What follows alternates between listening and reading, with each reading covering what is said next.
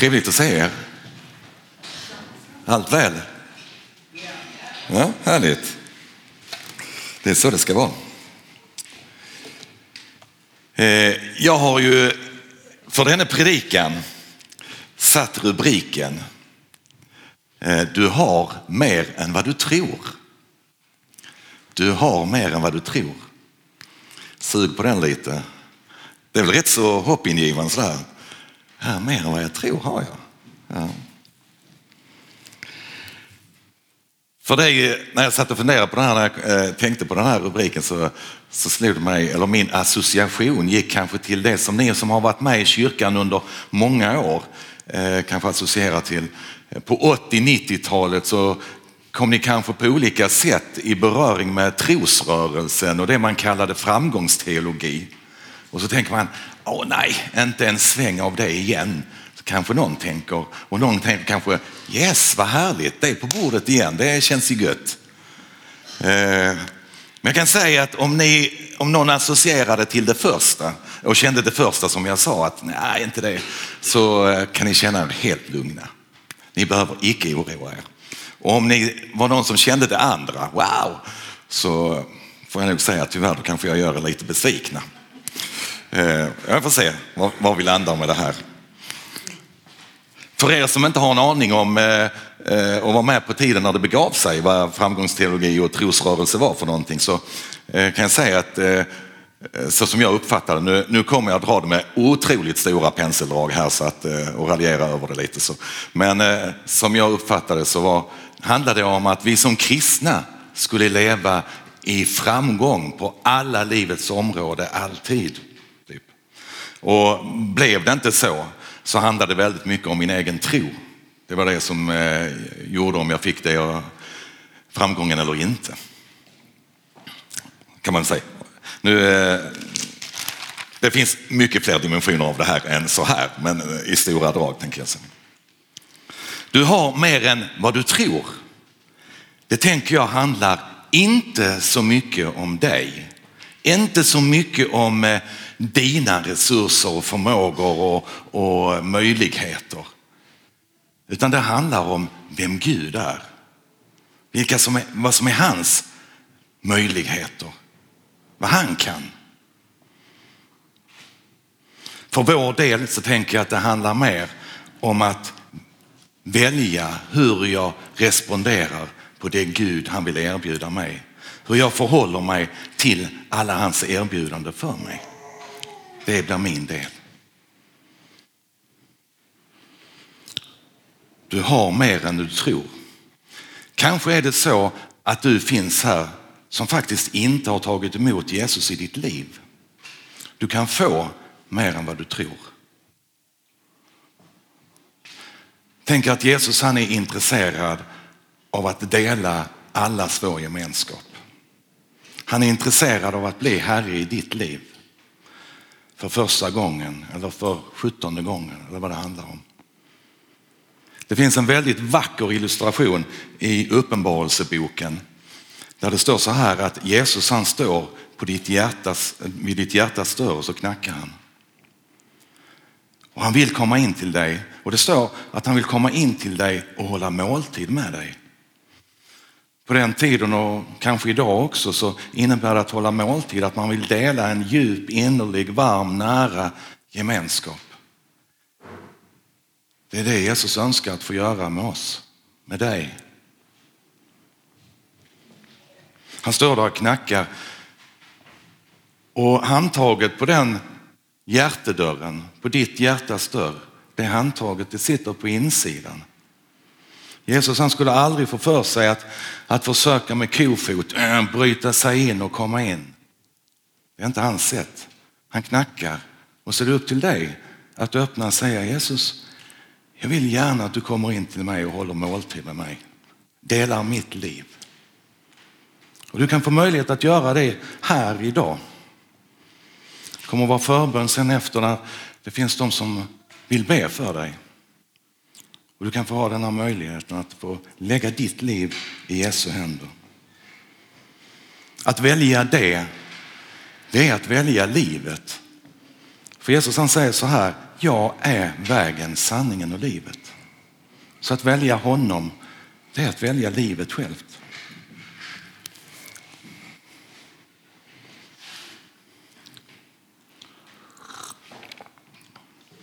Det valet att säga ja till Jesus får konsekvenser.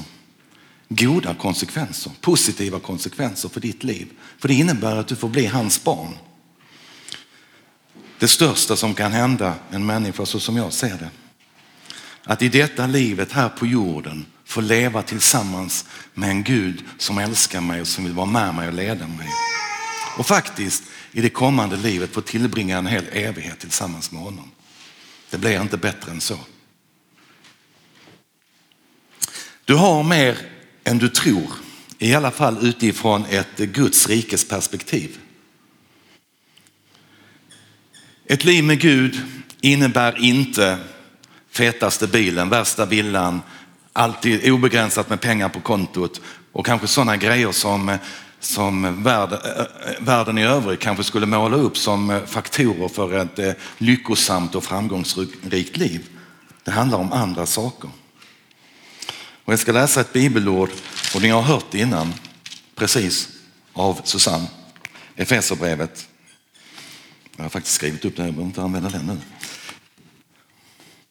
Paulus han skriver så här i sin inledning till församlingen i Efesos. Välsignad är vår Herre Jesu Kristi, Gud och Far, som i Kristus har välsignat oss med all andlig välsignelse i himlen.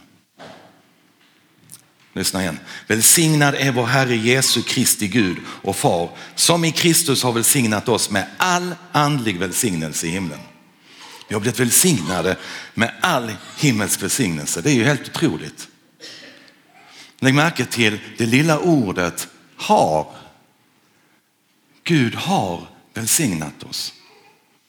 Det är inte så att det är någonting som eventuellt kommer att komma lite längre fram. Han har gjort det. Han har välsignat dig med allt.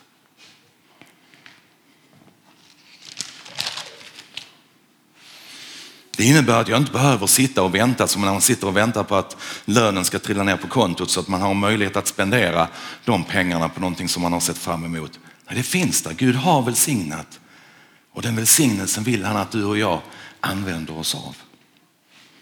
Vad innebär Guds välsignelse? Mm, inte lätt när jag satt och funderade på ja, det. Och jag känner att det tenderar lite grann och man, man blir lite flummig. Men jag tänker att Guds välsignelse innebär att eh, jag får kallas Guds barn. Att jag får vara barn till Gud. Att eh, jag vet att jag har en far som älskar mig oavsett eller trots allt att jag vet att han vill ge mig sin heliga ande som en hjälpare i livet och leda mig rätt. Som David säger i, i sin herdesalm, han för mig till gröna ängar, han för mig till vatten där jag finner ro. Han vederkvicker min själ, han leder mig på rätta vägar för sitt namns skull. Även om jag går i dödsskuggans dal så behöver jag inte frukta någonting, för han vill vara med mig och trösta mig och leda mig, bära mig igenom det som är svårt. För det är ju inte så att bara för att jag säger ja till Jesus så kommer livet att vara en räkmacka och ingenting dåligt kommer hända mig. Jag får också vara med om, om svårigheter, om kampen. Men jag vet Gud är med mig och han vill bära mig. Även om jag ibland kan känna Gud, var är du någonstans? Varför? Men jag vet att han är där. Han finns där för mig, han finns där för dig.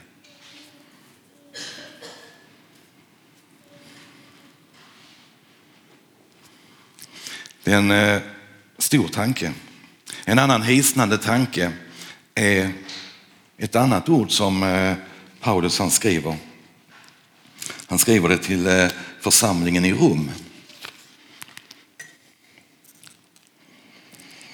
Och då skriver han så här. Han, I det här sammanhanget pratar han om eh, om att vi som Guds barn, vi får leva i anden, så skriver han, alla som drivs av Guds ande är Guds barn. Ni har inte fått slaveriets ande så att ni på nytt måste leva i fruktan, i rädsla. Nej, ni har fått barnaskapets ande och i honom kan vi ropa Abba fader. Abba fader, det är som pappa. Det blir liksom den här nära, goa relationen. Anden själv vittnar med vår ande att vi är Guds barn. Och är vi barn, då är vi också arvingar. Guds arvingar och Kristi medarvingar. Lika visst som vi lider med honom för att också förhärligas med honom. Att vara Guds barn, det är att vara Guds arvinge. Att vara Jesu Kristi medarvinge. Det tänker jag är helt, eh, ja, det går utöver ens förstånd. Vad, vad innebär det egentligen att jag får vara medarvinge till Jesus? skulle vilja utmana er och bara gå och, och fundera på den i veckan.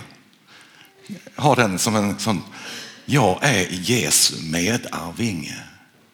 Jag är Jesu medarvinge. Det är helt galet.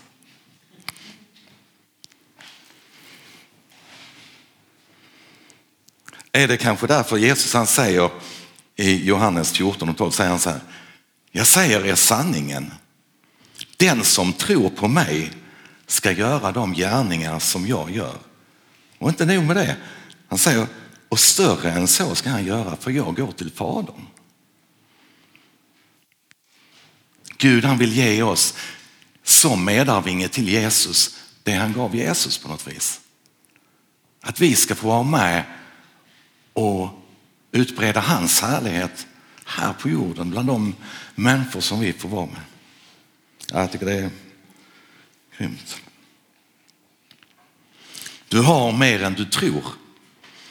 Inte av något annat skäl egentligen än att Gud har gett dig det som en fantastisk gåva och säger håll till godo, det är ditt. Det handlar inte så mycket om vad du kan komma med utan mer vad Gud kan komma det. Du får vara barn till en kung, till kungars kung. Hoppas det, eh, det blir sådär wow, glad, härligt. Jag vet inte om du har läst om personer som under sitt liv har eh, levt under rätt så eh, knappa och eh, eh, minimala förhållanden och utåt sett verkat väldigt fattiga. Men som vid deras död så har det visat sig att de har, de har suttit på en rätt stor förmögenhet. En del har valt att testamentera det de har ägt till eh, goda ändamål och det är väldigt hedervärt det. Jag googlade fram några sådana här när jag satt och förberedde det här. Jag tänkte jag skulle läsa om två stycken väldigt kort.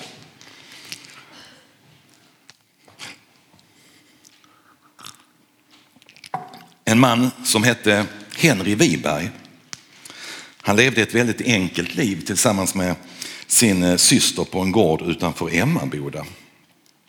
Och människorna i socknen här, de trodde att han var luspank, att han inte hade någonting. Men skenet bedrog. Han testamenterade närmare 30 miljoner till hembygdsföreningen där. Berättas om en annan. I många år var uteliggaren Ernst Ledin känd som järnvägaren, en profil i Stockholm. Han dog i januari 1994 och det visade sig att han inte alls var fattig. Han hade lagt undan pengar som han testamenterade till eh, andra hemlösa via Frälsningsarmén och Stadsmissionen. Hans, eh, hans sparande gav hjälporganisationerna en och en halv miljon. Och så finns det en mängd sådana här livsberättelser och livsöden. Människor som har levt under väldigt knapra förhållanden men suttit på en stor förmögenhet. Och jag klankar inte ner dem och deras val av liv. För jag tänker att det, det var kanske så de ville leva sina liv och helt fint med det. Helt okej. Okay. Och de fick eh, ge vidare det och såg det som något stort att få ge vidare det till, efter sin död till något, till något annat, till något bra. Men utifrån de berättelserna så funderar jag på ibland med mig själv och med oss. Är det så att vi ibland lever på en and, i en andlig, svält, eh, på en andlig svältgräns på något vis. Att vi lever andligt sett under minimala förhållanden när, när eh, i själva verket kontot är helt fullt. I Johannes 7, 37 och 39 så står det så här, det är Jesus som ropar. Han säger så här, han sa det till människorna då, och han säger det till dig idag. Han säger så här, om någon är törstig så kom till mig och drick. För den som tror på mig, ur hans innersta ska strömmar av levande vatten flyta fram.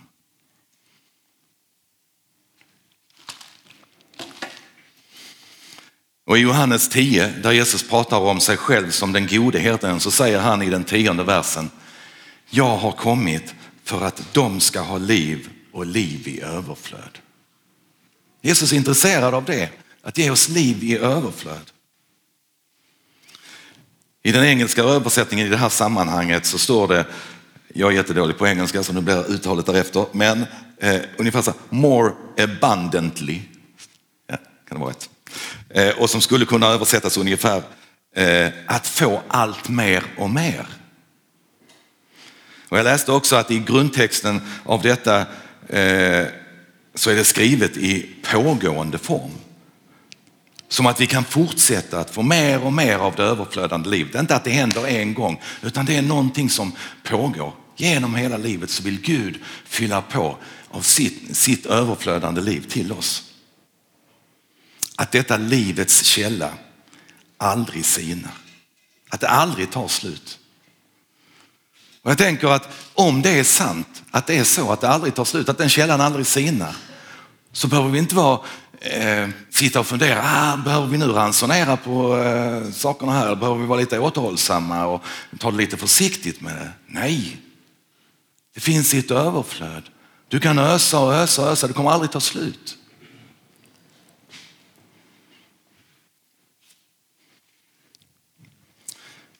Men vad, vad beror det på att vi faktiskt emellanåt kanske lever under våra tillgångar?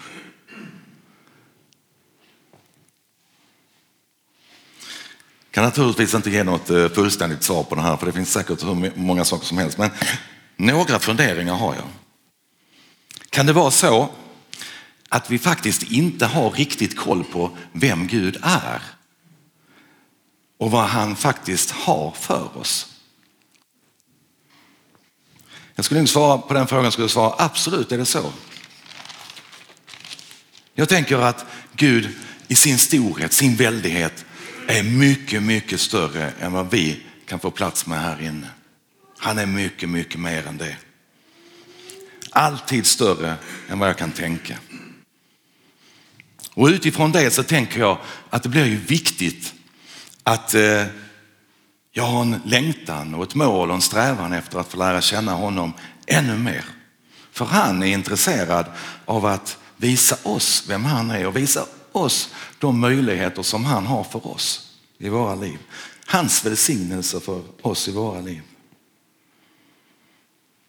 Paulus han ber en bön för sina vänner i Efesos om just detta, att lära känna Gud. En bön som eh, jag tänker att vi ska göra till en personlig bön. Paulus han ber dem för, för de kristna i Efesos. Men jag tänker att vi ska göra den till en bön för oss själva kommer komma här på väggen.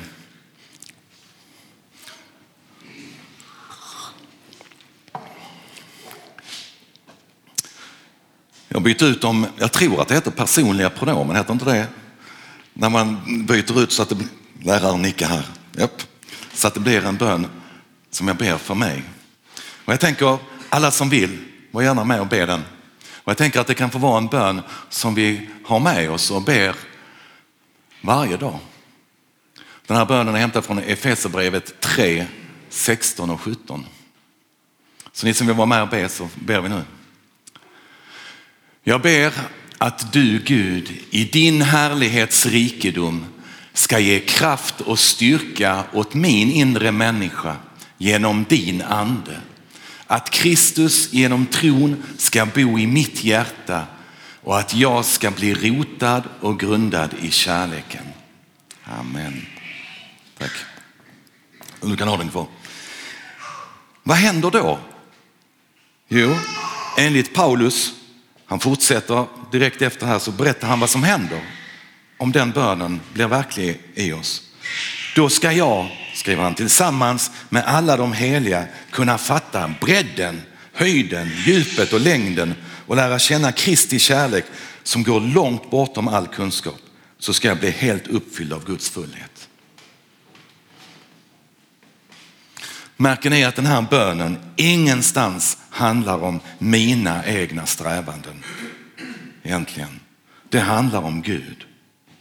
Må Gud ge kraft och styrka och må han göra det genom sin ande. Då ska jag förstå vem han är. Min del, mitt ansvar, din del, ditt ansvar eller vad vi nu ska kalla det. Det blir att öppna upp för hans ande i mitt liv, öppna upp för hans möjligheter i mitt liv. Skulle en annan orsak till att vi lever under våra tillgångar som barn till Gud kunna vara vår egen självbild? Att vi har en bild av oss själva som någon som inte är värd att ta emot allt det goda som Gud faktiskt ger. Nej, inte, inte jag. Inte, inte utifrån allt det dumma jag tänker om människor, de ord jag säger som faktiskt eh, kränker och sårar andra. Allt det jag gör som inte är något bra. Inte kan jag vara värd Guds godhet, Guds kärlek, Guds välsignelse. Nej, jag säger att han, han välsignar andra men inte mig. Och så skapar en skev självbild misstro. Och risken är att vi väljer att mata oss med den och ju mer vi matar oss med den ju svårare har vi för att se vad faktiskt Gud säger om oss. Han säger att du, du är mitt älskade barn. Jag har skapat dig, gjort dig till min avbild. Jag älskar dig högre än någonting annat. Jag valde att dö för dig på korset. Så högt älskar jag dig. Och inte för att du kan komma med din fina meritlista och säga, men titta detta har jag gjort. Nej, för att du är den du är. Med alla de skavanker som vi har, för de sitter vi med allihop. Att köpa in det i mitt liv som Gud säger om mig. Älskad, dyrbar, underbar.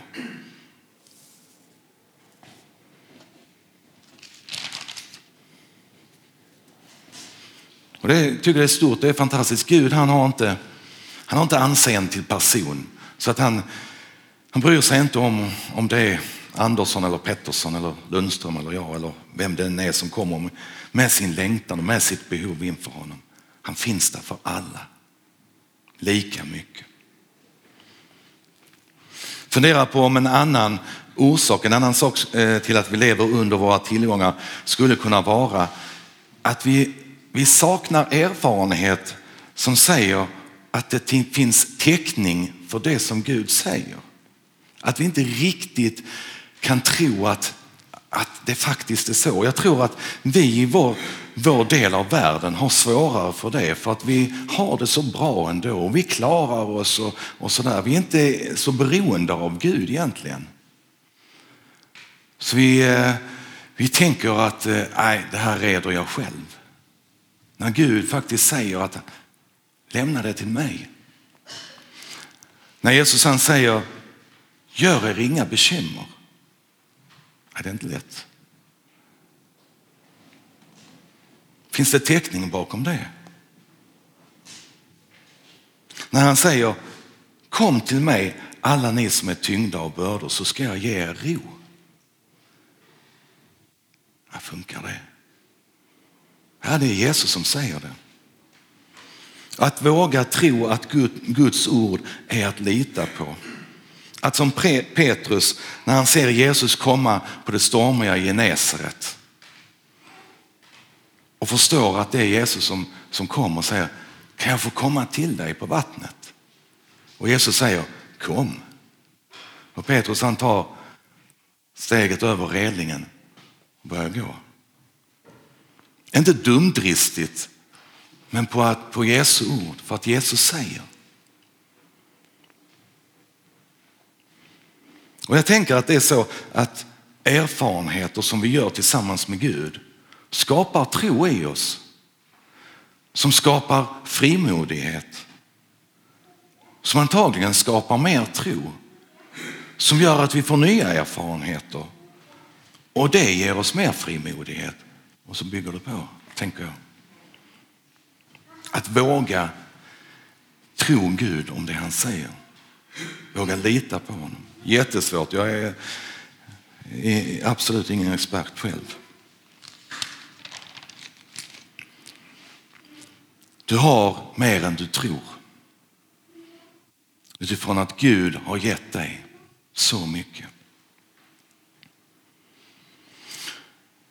Gud han har lagt ner talanger och färdigheter och gåvor i ditt liv som han vill att du ska använda dig av.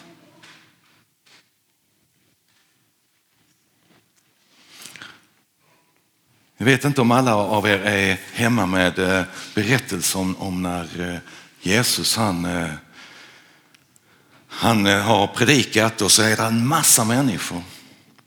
Och så säger lärjungarna till honom att du får se till så att de kan få lite mat. De behöver mat, de har varit här länge, de är hungriga och det är långt till, eller du får kanske skicka hem dem eller ja,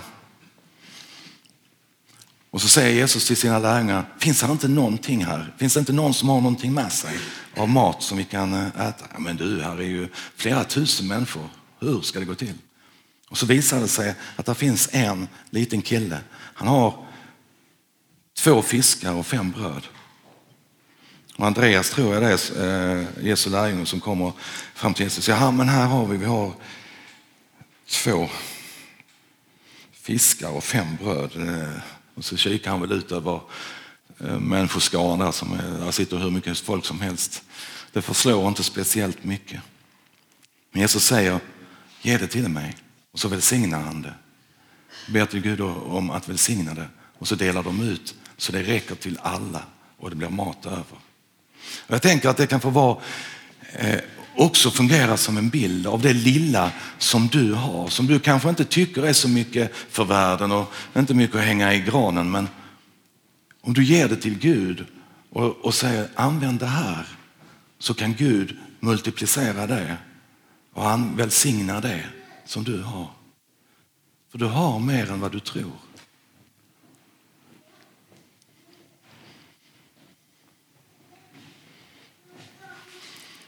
Och du har mer än du tror i ett evighetsperspektiv. Du har ett löfte om att en dag få leva en evighet tillsammans med Jesus. Det är fantastiskt.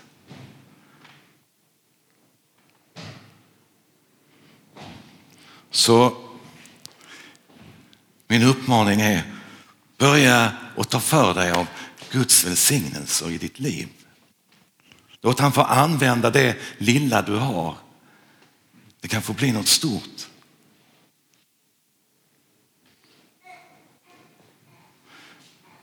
Alla de gåvor och talanger, vi pratade om i, i bilen nu, eh, Felicia och jag, så, så, vi pratade om det här med vad är Guds välsignelser? Jo, det är ju allt det här som vi har fått. Vi har fått eh, barnaskap och allt det här. Men också de här personliga grejerna som vi har. Felicia, jag har ju fått en kreativ gåva. Ja, men det är som en välsignelse från Gud. Vi har fått olika sådana här gåvor som Gud har välsignat oss med och som han vill att vi ska använda. Gör det, var frimodiga. Det kommer att göra skillnad. Skillnad i ditt eget liv, men det kommer att göra skillnad för din omgivning. Det är värt det. Ska vi be? Jag tackar dig Gud för att eh, vi får vara dina barn, älskade av dig. Det är helt enormt, det är fantastiskt. Tackar dig för att eh, du har kallat oss att vara dina barn. Tack för att vi får ha våra namn skrivna i, i din bok, Herre. Tack för allt det som du har välsignat oss med, Herre. Som vi får leva med, Herre. Gud. Och jag ber, Herre, att, eh, att vi inte skulle leva på svältgränsen när kontot är fullt. Och när den källa av liv som du är, Herre, aldrig sinar så hjälp oss att kunna ösa ur den ständigt, ständigt. Jesus Kristus. Herre, vi, vi vet och förstår alla att, att det inte är bara, livet inte bara bjuder oss på det goda. Att vi får också möta svårigheter. Men tack Gud för att du då finns där för att bära, leda, hjälpa och vara med oss Herre. Tack Gud. Herre, jag vill också på ett speciellt sätt be för alla de som sitter här som kanske inte har vågat öppna den där dörren nu och säga ja till dig, släppa in dig. Jag ber Gud att du skulle få ge dem frimodighet att göra det. Att få smaka och se att du är god Herre. Tack Gud för att du vill vara med och välsigna. I Jesu Kristi namn. Amen.